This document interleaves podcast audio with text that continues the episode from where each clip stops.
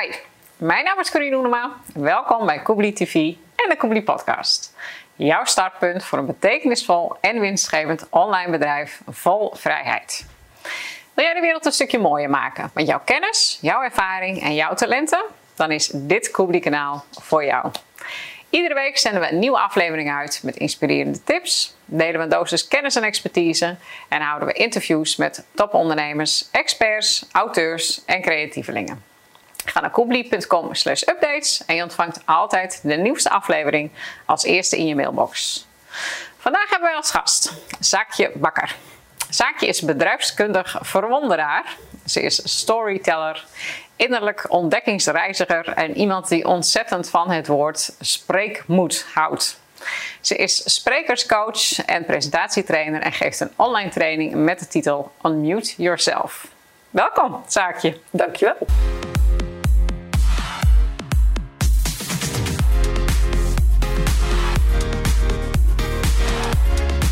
Koebli TV en de Koebli Podcast is powered by Koebli, jouw instapklare online bedrijf. Uh, je houdt van het woord spreekmoed. Ja. Dat is een bijzonder woord. Ja, het bestaat of het bestond ook niet. Dat, is geen dat jij het woord. geïntroduceerd hebt. Ja, ja.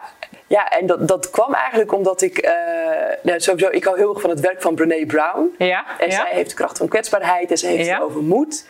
En ik was een beetje zo aan het broeden op van welk woord, ik hou heel erg van woorden, welk woord nou, is, is voor mij nou een woord wat een soort van de lading dekt als het gaat over dat spannende gevoel wat je dan kan voelen als je mag of moet gaan spreken. Ja, maar dan hebben we het over angst. Maar jij, jij, benadrukt dan niet de angst, nee. maar jij benadrukt de moed. Ja, want angst gaat voor mij, dat voelt voor mij als iets van de achteren wat je terugtrekt. Ja. En ik wil juist veel meer dat verlangen, dat je denkt, oh ik vind het ongelooflijk spannend, maar ik ga het wel doen. Ja. En toen zat ik een keer aan de keukentafel, was ik met dit heel iets anders bezig. En in één keer zo, spreekmoed. Ploept het zo. Ploepte. Uh, ja, dat was die. ja. En toen ik snel googelde en toen dacht ik, oh, ik denk, dit woord bestaat niet. Ja. Toen dacht ik, ha, ik heb mijn woord. ja. Nou, dat is een mooi woord. Maar inderdaad, de, de, de, de, er staat zo'n mooie uh, TED-talk van uh, Brene Brown ook op YouTube. Die vind ik persoonlijk mooier dan die op Netflix. Die vind ik dan weer te, te gekunsteld. Oh ja, de call to courage. Ja, maar dit is echt echt uh, nog steeds een tranentrekker, moet ik zeggen hoor. Ja, ja heel mooi. Ja. Maar uh, uh, spreekmoed, je bent ook uh, faalkundige. Yes. Dat is op zich ook een hele mooie term. Ja, het bestond ook niet. Nee. nee. En, en bij een instituut voor faalkunde. Ja, klopt. Dus, de, wat, wat doen we daar? Ja, wat, nou, wat wij doen, want dat is ja. wij. Ja. Um, ik, ik, ja, ik geef training dan samen met mijn collega op het gebied van hoe je anders en dat is over het algemeen wat milder en creatiever. Ja. En meer vanuit acceptatie met fouten en falen om kan gaan. Ja, want, want maar op, op zich is natuurlijk fouten en falen is ook al een bijzonder. Ja. ja eigenlijk, eigenlijk is het zeg maar een stukje groei wat steeds ja. komt. Ja.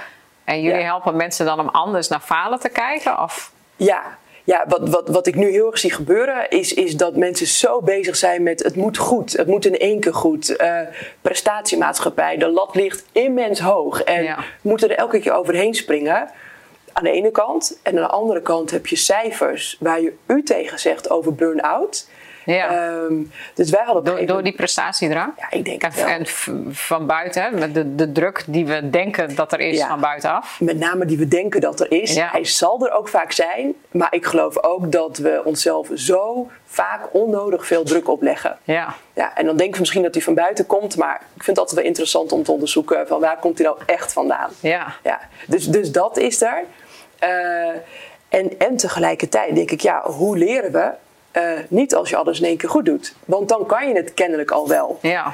Um, dus het is onderdeel van fa falen en fouten maken, is onderdeel van het leerproces. Van het leerproces. Alleen het is dan weer net dat stukje. En dat is dan ook wat bijna in tegenspraak met die prestatiemaatschappij. Um, alsof we dat niet mogen laten zien. Ja, dus we mogen alleen de perfectie uh, ja, laten zien. Dus we, en, en ik denk dan van ja, lekker. Ik snap wel dat iemand heel succesvol is of wordt of is geworden. Maar dat is niet van 0 naar 100 gegaan. Daar zit die hele weg is daar aan vooraf gegaan. En ik zou het echt fantastisch vinden als we daar gewoon wat transparanter over kunnen zijn. Ja, dus meer het, het uh, wat je inderdaad, je ziet wel eens dan die ijsberg, zeg maar. dan zie je dat topje boven het water uit en alle, alle ellende en, uh, en, en uh, worstelingen, dat zit daar dan dus onder. Wordt maar, maar, dat is ook wel de verhouding, zeg maar, met voordat je uiteindelijk tot dat, nou ja, wat, wat de buitenwereld dat misschien noemt, succesvol of de perfecte presentatie komt. Ja, ik denk het wel. Ja, en dat zie je ook op social media. Uh, je ziet weinig mensen die zeggen van nou, ik heb nu zoiets verkloot of, of dit of dat. En ja. uh, denk ik, het hoeft ook voor mij niet extreem de andere kant op. Maar iets meer in balans zou volgens mij een wat reëler beeld geven van heel veel zaken. Ik denk dat je dan ook veel druk bij jezelf weghaalt. Ja.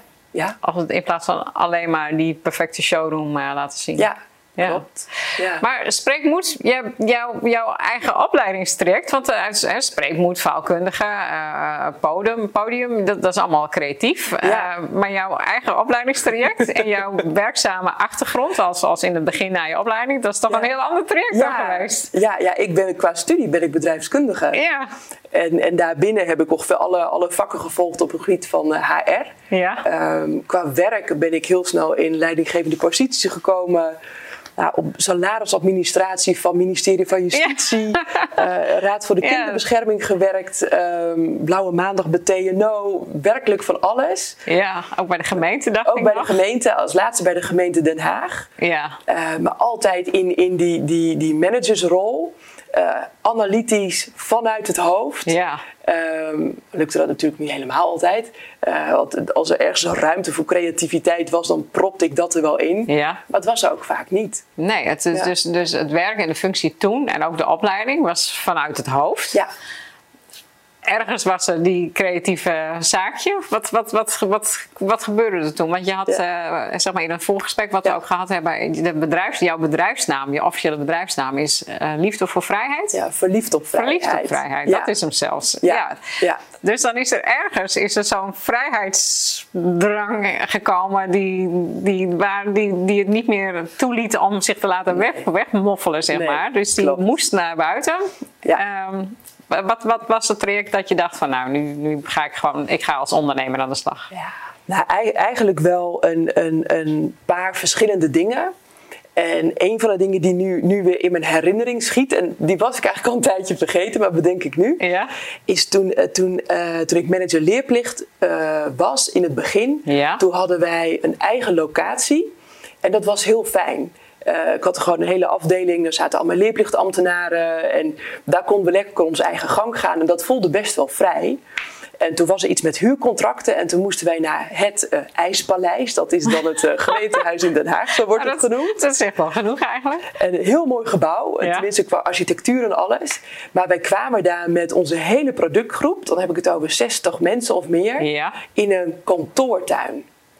Nou, en dat, dat is voor mij eigenlijk een soort... soort het heeft eigenlijk de energie zeg maar, uit het hele, in ieder geval uit jou Alles. getrokken. Ja, ik had toen, uh, ik zat met mijn MT-collega's in een kamertje helemaal achterin, nou, voor mijn gevoel weggepropt, achter twee deuren nog wel. Ja. Mijn mensen zaten daar in een soort, soort nou ja, in een kantoortuin allemaal geluiden en prikkels. En nou ja, dat is niet Ja. heel erg aan mij besteed, zeg maar. Nou, ik, ik kwam zelf sowieso niet in een kantoortuin, maar, Nee. maar heel soms in zo'n in zo'n flex eh, verzamelgebouw. denk ik, oh god, Ja. hoe kan iemand hier in de vredesnaam werken? ik, maar oké. ik, ik was gewoon, eh, of ik was helemaal afgesloten, Ja. of veel te veel eh, Met anderen met bezig. anderen bezig. En wat ik het allerergste vond, was dat de veiligheid van een eigen kamer, waarin mensen naar mij toe konden komen, die was weg. Ja. En dat, dat, nou, dat, dat vond ik heel pittig. Dus eh, zeg maar het idee van een kantoortuin en, en, en eh, we gaan meer eh, interactie, dat eigenlijk ontstaat dan het tegenovergestelde. Nou, wat ik zag gebeuren wel. Ja. Ja, ik zag heel veel mensen alleen maar bezig met hoe kan ik een beetje rust organiseren. Ja. Ehm, heel veel Maar afleiding. inderdaad, een gesprek, even een één op één, om even ergens over te sparren, dat, Ja. dat, dat, valt dan op. Ja, en ook wat, wat ik juist zo mooi vond toen, toen ik eh, nog op die andere locatie zat, was als mensen even iets hadden, die konden heel neutraal, zeg maar, even bij mij naar binnen glippen. Deur dicht, we hadden we een goed gesprek. Ja. En daar was het, moest je echt door de kantoortuin. Iedereen zag dan dat je naar Ja. nou, mij of even mijn collega's Ja. ging. Daar lag veel meer lading op. Ja. Maar goed, dat was een van de dingen. Ja. Ik heb toen een overstap gemaakt binnen de gemeente Den Haag naar een andere functie. Eh, ja, en, en dat, ja, dat was een hoofdkeuze. Dat hielp ook niet echt uiteindelijk. alles in mij zei, zaakje, neem ontslag. Ja. Maar ik durfde niet. Nee hè? Nee. Maar uiteindelijk, ja. uiteindelijk ja. Uh, uh, heeft je gevoel het zeg maar gewonnen. En, en, en, heb je toch je ontslag ingediend. Ja, ja, ja, dat had wel wat voeten in aarde. Uh, ook weer dingen op het werk, dingen buiten het werk. Ja. En op een gegeven moment dacht ik van...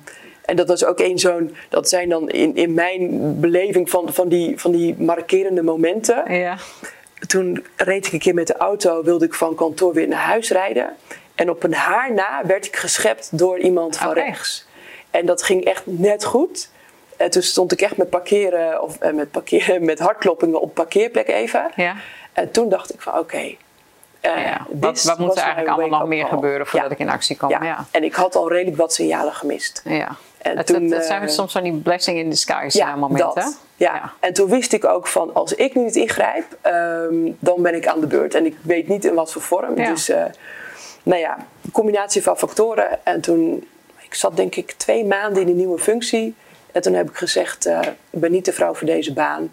Maar by the way, ik stop even helemaal met werken. Ja. ja. En, en welk jaar was het toen, uh, Dat was 2014. 2014, ja. ja. Toen dacht je, dit, dit uh, het roer moet om. Dit moet echt om, maar ik voelde me zo schuldig. Omdat ik heel kort in die nieuwe functie zat. En toen heb ik gezegd, van, nou, toen was het augustus. Ik was in mei begonnen. Toen zei ik, nou, dan maak ik het gewoon af tot aan het eind van het jaar. Dan heb je zo'n natuurlijk overdrachtsmoment. Ja. Maar die loyaliteit uh, viel je zwaar. Ja, dat was een uh, ja. uh, pittige opgave. Ja. Maar toen, toen het voordeel was dat ik heel bewust ik wist ook van, ik ga nooit meer in zo'n setting terugkomen. Nee. En ik heb ook nog heerlijk dingen gezegd in vergaderingen die ik anders nooit had durven zeggen. Ik dacht, ja, ik heb mezelf al ontslagen, dus wat kan mij gebeuren? Maak voor je hart geen moord. Nee, nee. Ja. Oké, nou dan is het 2015. Ja.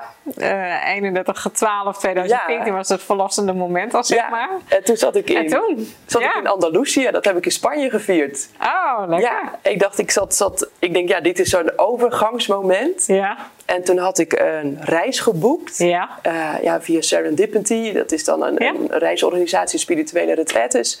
En toen dacht ik, nou, volgens dus mij... Je, had jezelf op een cadeautje getrakteerd. Dat was mijn cadeautje. Ja. Ik dacht van, ik, hoe, hoe, hoe ga ik dit nieuwe stuk van mijn leven beginnen? Ja. En ik dacht dat ik euforisch zou zijn. Dat was ik helemaal niet. nee, want eigenlijk, uh, nou ja, je wordt dan met jezelf geconfronteerd ja. natuurlijk. Hè? En ja. dat, dat is vaak, we zitten in zo'n soort red race. Uh, en en we, we, hebben geen contact meer met onszelf. Nee. We hoeven onszelf ook niet echt in de spiegel aan te kijken. We hoeven ook niet de ingewikkelde vragen van wat wil ik nou? Nee. Waarvoor zijn we hier? Maar dat komt dan. Ja, want ik kreeg ook heel veel vragen aan het einde dan bij de gemeente Den Haag van... oh, wat ga je nou doen? En, en uh, heb je een plan? Ja, dus ik ja. heb op een gegeven moment gezegd van... Nou, ik ga een opleiding voor teamcoaching doen. Dat klonk heel logisch. Ja. En dat geloofde iedereen. en ik zelf ook even. Was je van, van het gesprek af? Ja. En, en ik had me ook opgegeven. En echt een paar maanden, een maand van tevoren zei ik... nee, dit, dit, ik heb nu vrijheid. Ik ga ja. niet alles weer inperken. Nee. Ik kan het gewoon nog niet overzien. Dus je, je zat in Andalusië. En, ja. en wat, wat gebeurde er met Zaakje? Nou, janken. ja? Ja, ja, dat was een reis... Um, het was ook nog een alchemistenreis. Nou, de, de, het boek De Alchemist, ja. dat, dat, is een van mijn lievelingsboeken. Ja. Uh, dus nou ja, wij gingen ook met de bus door Andalusië. Um, en de, ik weet nog dat het ontzettend warm in de bus was. En ik zat een of dan in zo'n stoel tegen het raam aangeplakt. En ik had een hemdje aan, een t-shirt en een trui en een vest overheen. en dat een van de begeleiders naast mij kwam zitten en zei... Saakje, gaat het wel goed met jou? Want echt, ik smelt. En ik zei alleen maar, ik heb het zo koud. Ja? Ja. En ik heb de eerste paar dagen van die reis, heb ik het zo koud gehad... Uh, en pas, ik denk, pas in de laatste twee, drie dagen kwam ik letterlijk en figuurlijk op temperatuur. Ja. En toen was ik er weer, ja. Dus dat, dat, dat je moment dat je inderdaad dat ontslag dan indiende en dacht mijn leven moet anders, dat, ja. dat had ook niet zo heel veel langer uh, door moeten nee. gaan. Nee, dat was eigenlijk al veel te lang doorgegaan. Ja. Ja. ja. Maar toen begon je weer te ontdooien, letterlijk en figuurlijk eigenlijk. Ja. ja. En toen was je, was je toen al, had je ingeschreven als ondernemer? Was, was, was je Nee, ik, ik woonde nog in Den Haag. Ja. Um, en ik was pas een jaar daarvoor was ik verhuisd. Dus ik zat in een, in een nieuw huis. En ik dacht ook van nee jongens, dit, is het ook niet. Dus ik, uh, ik, ik was heel veel bij Heid Mem dan hier in Friesland. Ja. En die zeiden op een gegeven moment van... Uh, moet je niet gewoon een tijdje thuiskomen? Ja. En mijn twee andere zussen hebben dat ook gedaan uit huis en toch weer even terug. Oké. En toen zeiden ze, ja, dit heb jij nog niet gedaan. Nou, ik zei, dan doen we dat nu. Dus ik heb de huur opgezegd. Dus je had wat even nodig. En ik moest even naar huis. Ja. ja. ja. Op het warme nest. Echt op het warme nest. Ja. ja. En, toen, en, toen, was je terug in de provincie. Je had uh, die, die, die reis gehad. Je had zeg maar inzichten in jezelf, connectie met jezelf. En toen had ik bedacht dat ik een boek ging schrijven. Oh. en toen dacht ik, oh, er is nu vast een ontzettend verhaal aan het ontstaan. En ik vond dat het al een heel verhaal was. En toen dacht ik, van, nou, ik heb toch tijd. Dus um, wat wilde ik ook alweer?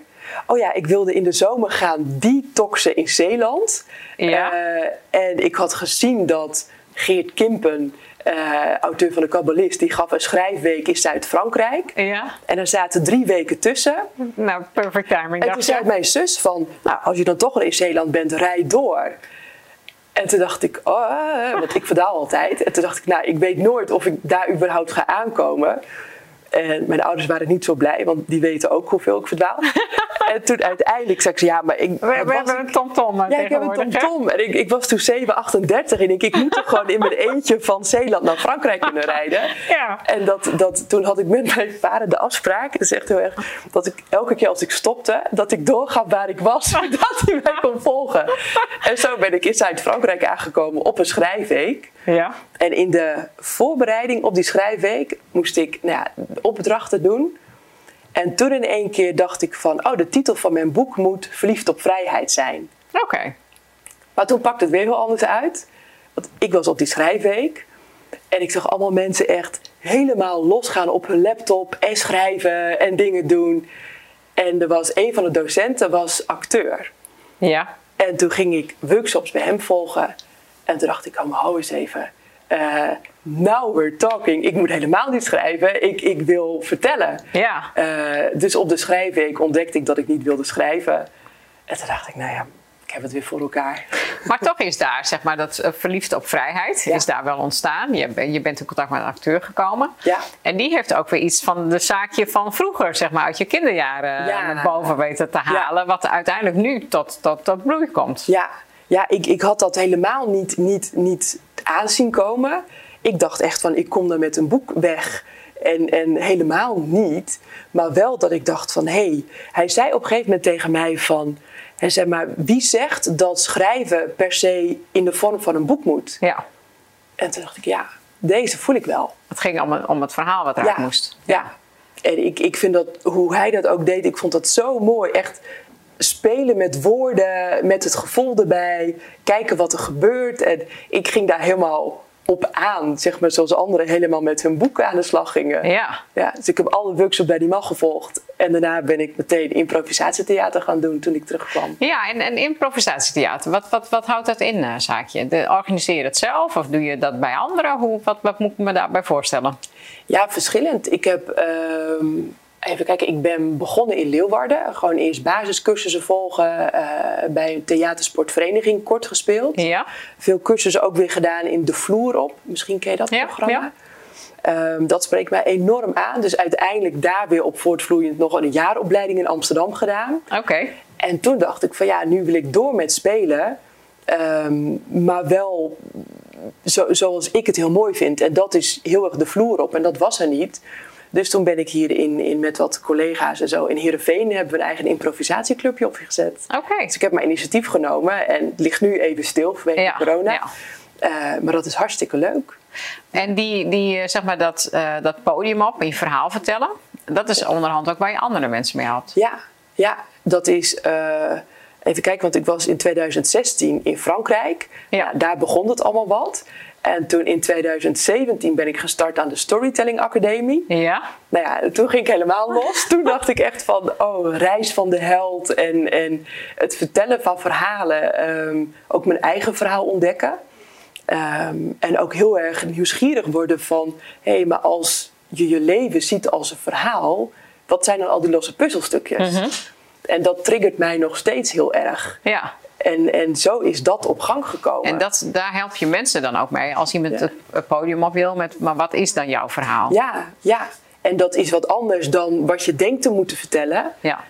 Um, dus want, ik, want ik, dat, is, dat is vaak te, inderdaad uit je hoofd, te weinig emotie, te weinig connectie ook ja. dan. Ja, ja. Maar jij leert ze dan zeg maar alle nou ja, pijnpunten wat je zelf hebt meegemaakt. Zo hebben we allemaal onze eigen pijnpunten. Maar jij helpt die dan mee naar boven te krijgen om, zodat ze andere mensen kunnen inspireren?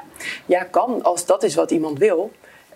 Um, dus daar zijn voor mij verschillende invalshoeken. Er zijn ook mensen die, die voor hun werk echt presentaties moeten geven. Ja. En die merken van... Die hun team mee moeten nemen? Ja, team mee of, moeten of, meenemen. Uh, of vanuit hun functie veel, ja. veel voorlichting moeten geven.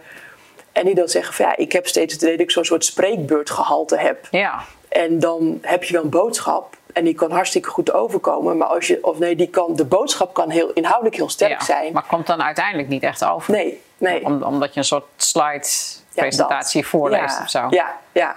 En dat vind ik juist leuk. Dat ik denk van hoe kan je het dan zo kneden? Wat, wat moet er bij jou gebeuren? Of hoe kan je het verhaal ook een beetje zo ja. Nou ja, maken dat, dat de ander echt denkt: wow, hè, ik moet even goed gaan luisteren, er wordt iets geraakt. Ja. ja. Oké, okay, dus het zijn, het zijn dan ondernemers die je helpt. Het zijn ook uh, managers, leidinggevenden. Ja. Ja. ja. dus dan zit er toch nog weer een beetje dat uh, de, de, de oud-collega's van vroeger, die kunnen nu alsnog uh, bij jou aankloppen. Ja, en dat gebeurt ook. Ja. ja. En dat vind ik ook heel leuk, want in die wereld snap ik ook. Ja. Ja.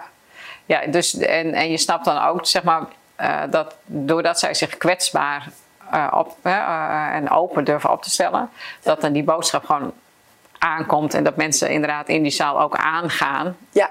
In plaats van een toehoorder zijn op ja. die 30 slides die voorbij komen. Ja, ja, klopt. En dat heeft er ook mee te maken dat ik zelf zoveel van die presentaties heb bijgewoond met, met al die slides en alles. En ik trek dat gewoon niet. Nee, nou, ik denk niemand niet. Nee.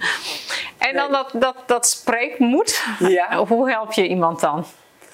Ja, dat, dat, dat is ook maar net eigenlijk waar iemand staat. En wat ik, wat ik vaak eigenlijk doe, is iemand gewoon vragen van stel, hè, als, als je nul is, je hebt of geef eens een cijfer. Nul is, is je vermijdt alles. Je, ja. hebt gewoon, je wilt het liefst gewoon alle presentaties vermijden. Gewoon ik niet. doe het niet, ja. En tien is, geef mij het podium maar en ik ga ja. los. Waar zit je? Ja. Uh, iemand hoeft voor mij niet naar tien. Um, maar wel het liefst, anders kom je niet bij mij, een volgende stap zetten. Ja. En dat kan zijn in een presentatie persoonlijker worden of meer van jezelf laten zien of meer van je eigen verhaal. Uh, maar het kan ook op social media zijn. En hebben we het dan over een uh, Insta live of waar, waar, moet ik aan denken? Ja, nee, ik ben zelf het meest actief op LinkedIn. Oké. Okay. Ja, dat, dat ja, ja, vind ik een mooi medium. Ja. ja. Ja. En, en, maar wat, wat, wat, wat plaats je dan voor persoonlijke berichten dat je denkt van uh, waar een ander dan ook iets van kan leren? Van zo maak je dus het verschil met zenden of een andere ja. type uh, communicatie? Ja. Ja, nou wat, wat ik zelf heel erg probeer is bij elke post die ik op LinkedIn plaats, dat er iets van mijzelf in zit. Um, en, en dat heeft ook weer met faalkunde te maken. Ja. Ik wil niet alleen succesverhalen. Dus ik vertel ook rustig dat ik mij soms in één keer realiseer dat ik denk van... oh shit, misschien ben ik wel een B-keuze voor mensen in plaats van een A-keuze. Heb ik laatst eens gepost. En dat ik ook dacht, moet ik dit wel doen? Uh, maar als ik dan zie wat voor reacties ik krijg op een post, maar ook gewoon los. Dat mensen zeggen, ja, maar ik voel dit, ik herken dit ook. Alleen, ja. jij geeft de woorden aan en jij durft het te zeggen. Um, en ik zit ermee, zeg maar, want ik herken het. Ja. En ik had laatst een post over spreekangst had ik gedaan. Van wie, wie herkent dat en wie mag ik interviewen? Ja. En dan krijg ik allemaal mensen die reageren van nou, mag. Maar nog meer mensen die mij rechtstreeks mailen van je mag me interviewen. En dan zeggen ze, ik durfde niet onder je post te reageren, want dan ziet mijn netwerk... Ja, toch wel hè, dat, dat, dat ze ergens bang voor zijn. Heb, want ze hebben het beeld van mij dat ik dat niet heb. En oeh, ja, ja, en dat vind ik juist interessant. Ja, en, dan, ja. en daar waarmee ze eigenlijk ook gewoon dat in stand houden. Ja, ja. Denk ik, hoe, hoe erg is het? En ja. er zijn zoveel mensen die het spannend vinden. Ja. Ja. En, maar wat levert uiteindelijk? Want je gaat dan op LinkedIn, ben je heel persoonlijk bezig met je berichten. Ja. Uh, je, want je hebt een tijdje dus bij de uh, Vaalkunde, het Instituut voor Vaalkunde uh, gewerkt. Ja, en nog steeds. En ja. daar ben je nog steeds aan verbonden. Ja. Maar je gaat, er is ook een switch geweest dat je echt gewoon als zelfstandig ondernemer dat omarmt en we gaan ervoor. Ja. Ja. Ehm, onderhand een online training gemaakt, Unmute Yourself. Yes. En wat gebeurt er dan als je je dus kwetsbaar opstelt, persoonlijke berichten plaatst op LinkedIn? Wat, wat, wat gebeurt er dan zeg maar qua bedrijfssucces? Ja, nou, dat mensen zich inschrijven. Ja. En daar heb ik wel. Uh, daar was ik, was ik ook wel zenuwachtig over. Want ik heb nog geen website. Uh, ik had geen sales page en alles. En nee. ik dacht, nou ja, kom ik aanzetten met, met gewoon mijn post op LinkedIn van nou jongens, ik knal eens wat in de wereld en uh, ja. wie doet er mee? En dat er gewoon mensen zijn die, die meedoen. Ja, en omdat, omdat mensen toch graag de connectie ook uh, ja, willen. Ja, en dat krijg ik ook van ja, ik, ik weet dat, dat jij snapt waar, waar ik doorheen ga. En dan denk ik, ja, dat snap ik ook. Ja. Ja. En on, on Mute Yourself, waar, waar gaat het over? Ja, het, het, nou, de, de titel kwam ook weer omdat je nu helemaal plat Je bent wel echt prachtig met woorden hoor. Oh. ja, spreek moet, unmute yourself. Ja, dankjewel. Ja. ja ik, maar ik word ook zo blij eigenlijk van. Ik kan echt een soort van verliefd op bepaalde woorden worden. Ja. Ja, en nou, bij dat unmute yourself, dat was ook... Ik las laatst ergens van iemand die had iets heel moois geschreven. Hij zei, wat is het eigenlijk raar dat als we nu een Zoom-meeting ingaan... dat iedereen bij voorbaat gemute is. Hij zei, dat doen we toch ook niet bij gewone vergaderingen? en toen dacht ik, je hebt zo gelijk. Ja. En toen dacht ik, en dat hoor ik nu ook veel van mensen... Ik had wat andere dingen ook gedaan. Die zeiden van, ik vind het spannend om mezelf te unmuten. Ja, ja. En toen dacht ik, ja, maar dat, jongens... Dat is echt heel veel aandacht opeisen ook ja, in één keer, hè? Ja, en dan ben je ook nog eens met je hoofd in beeld. En, en, je weet het allemaal niet. Wat moet je zeggen? En het is onwennig. Praat in een camera. Ja. En toen dacht ik, ja.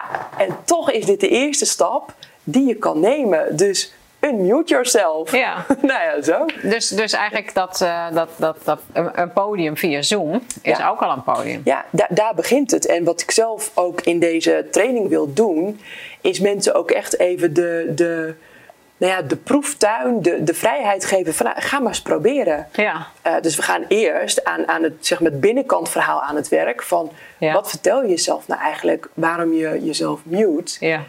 Um, nou ja, dan wil ik een soort unmute mantra uh, per persoon gaan maken. Ja. En vervolgens wil ik ook dat mensen gaan oefenen met hoe vertel ik nou een verhaal, slinger ik het zeg maar de buitenwereld in. Ja. En daar help ik ze wel weer in met storytelling van hoe kan je iets, een, gewoon een dagelijkse anekdote zo vertellen, brengen, dat je uiteindelijk er ook een bedrijfsboodschap of waardevolle content van kan maken. Ja, want wat, wat levert dat hun op dan? Dus, dus je, je, je verzamelt je moed. Ja, ja. En je denkt, ik ga het toch doen. Ik vind het spannend, maar ik ga het wel doen. Wat, wat, wat levert het je op? Ja, nou voor mij gaat het nog niet eens zozeer over dat je je mond opentrekt en dat je je laat zien. Uh, als ik een beetje uitzoom, is voor mij juist dat unmuten en het jezelf toestaan om meer zichtbaar hoorbaar te zijn, ja. gaat allemaal over persoonlijke groei. Ja. En dat is voor mij een soort snelweg naar vrijheid. Ja. Ja, dus dat is waar ik hoop dat ik dan mensen een setje in geef. Ja, het gaat, het, uiteindelijk gaat het om de reis. Ja, ja, absoluut. Ja. Heb je nog een laatste tip waarvan je denkt van iemand die wil wel, maar die doet het niet en ja, wat, wat, is zeg maar een, een, een, klein stapje wat ik kan doen ja. om dan toch een beetje met die tentjes in het koude water. Ja, nou wat, wat, wat ik wel vaak zeg, die heb ik geleend van, van heel veel mensen uit de ondernemerswereld. Eerst lanceren, dan creëren. Zet jezelf ook voor het blok. Dus je moet. Ja, roep soms ook gewoon iets van dan en dan ga ik dat en dat doen. Uh, en daarna ga je maar onder de douche staan of rondjes om je huis rennen of gillen weet ik veel wat, gillen, allemaal dat. Ja. Maar zet jezelf voor het blok. Ja, dus daag jezelf uit. Daag jezelf uit, want als je je eigen excuses... Daar komt het is no zo lastig om daar zelf uit. te komen. Dus ja. soms moet je even in de versnelling. Ja, dus Prik, prik, een datum, uh, deel het op social media. Je, je, moet. En dan komen de mensen en dan kan je gewoon niet meer zeggen... nee, grapje toch maar niet. Nee, gewoon doen. Oké, ja. dankjewel. Dankjewel, Zaakje. Mooi, graag gedaan. Graag lees ik in de comments onder de video hoe het zit met jouw spreekmoed en of jij jezelf al unmute. Dank voor het kijken en luisteren van deze complete aflevering. En wil je de wereld ook een stukje mooier maken vanuit je eigen betekenisvolle en winstgevende online bedrijf? deel dan deze aflevering met je vrienden en bekenden. Want wanneer jij deze aflevering interessant vond, vinden zij dat vast ook. Dus deel alsjeblieft via je social media kanalen. Zo kunnen we samen als ondernemers een rimpeleffect creëren in de wereld met positieve impact. Koebli TV en de Koebli Podcast is er voor jou. Om jou te helpen op jouw ondernemersreis richting vrijheid. Dus heb je vragen? Stuur je mail naar support.koebli.com. En wie weet gebruiken we jouw vraag als onderwerp in een volgende aflevering. En wil je geen enkele aflevering missen en wekelijks een dosis krachtvoer? Meld je dan aan op koebli.com slash updates. Ook ontvang je dan persoonlijke inzichten die ik exclusief deel met jou per e-mail. Tot slot nog een verzoek. Wanneer je deze aflevering waardeert, laat alsjeblieft een review achter op iTunes. En het liefst een positieve. Dat stellen we zeer op prijs. Zo kunnen we samen meer mensen bereiken en helpen op hun persoonlijke en ondernemersreis. Dankjewel, bedankt voor het kijken en tot de volgende keer. Hi, ben jij klaar voor jouw droombedrijf online te zetten? Ben je er eindelijk aan toe impact te maken met jouw kennis, vaardigheden en expertise? Goed zo. Wij staan voor jou klaar om jou te helpen. Start nu Ga naar koebli.com slash online business.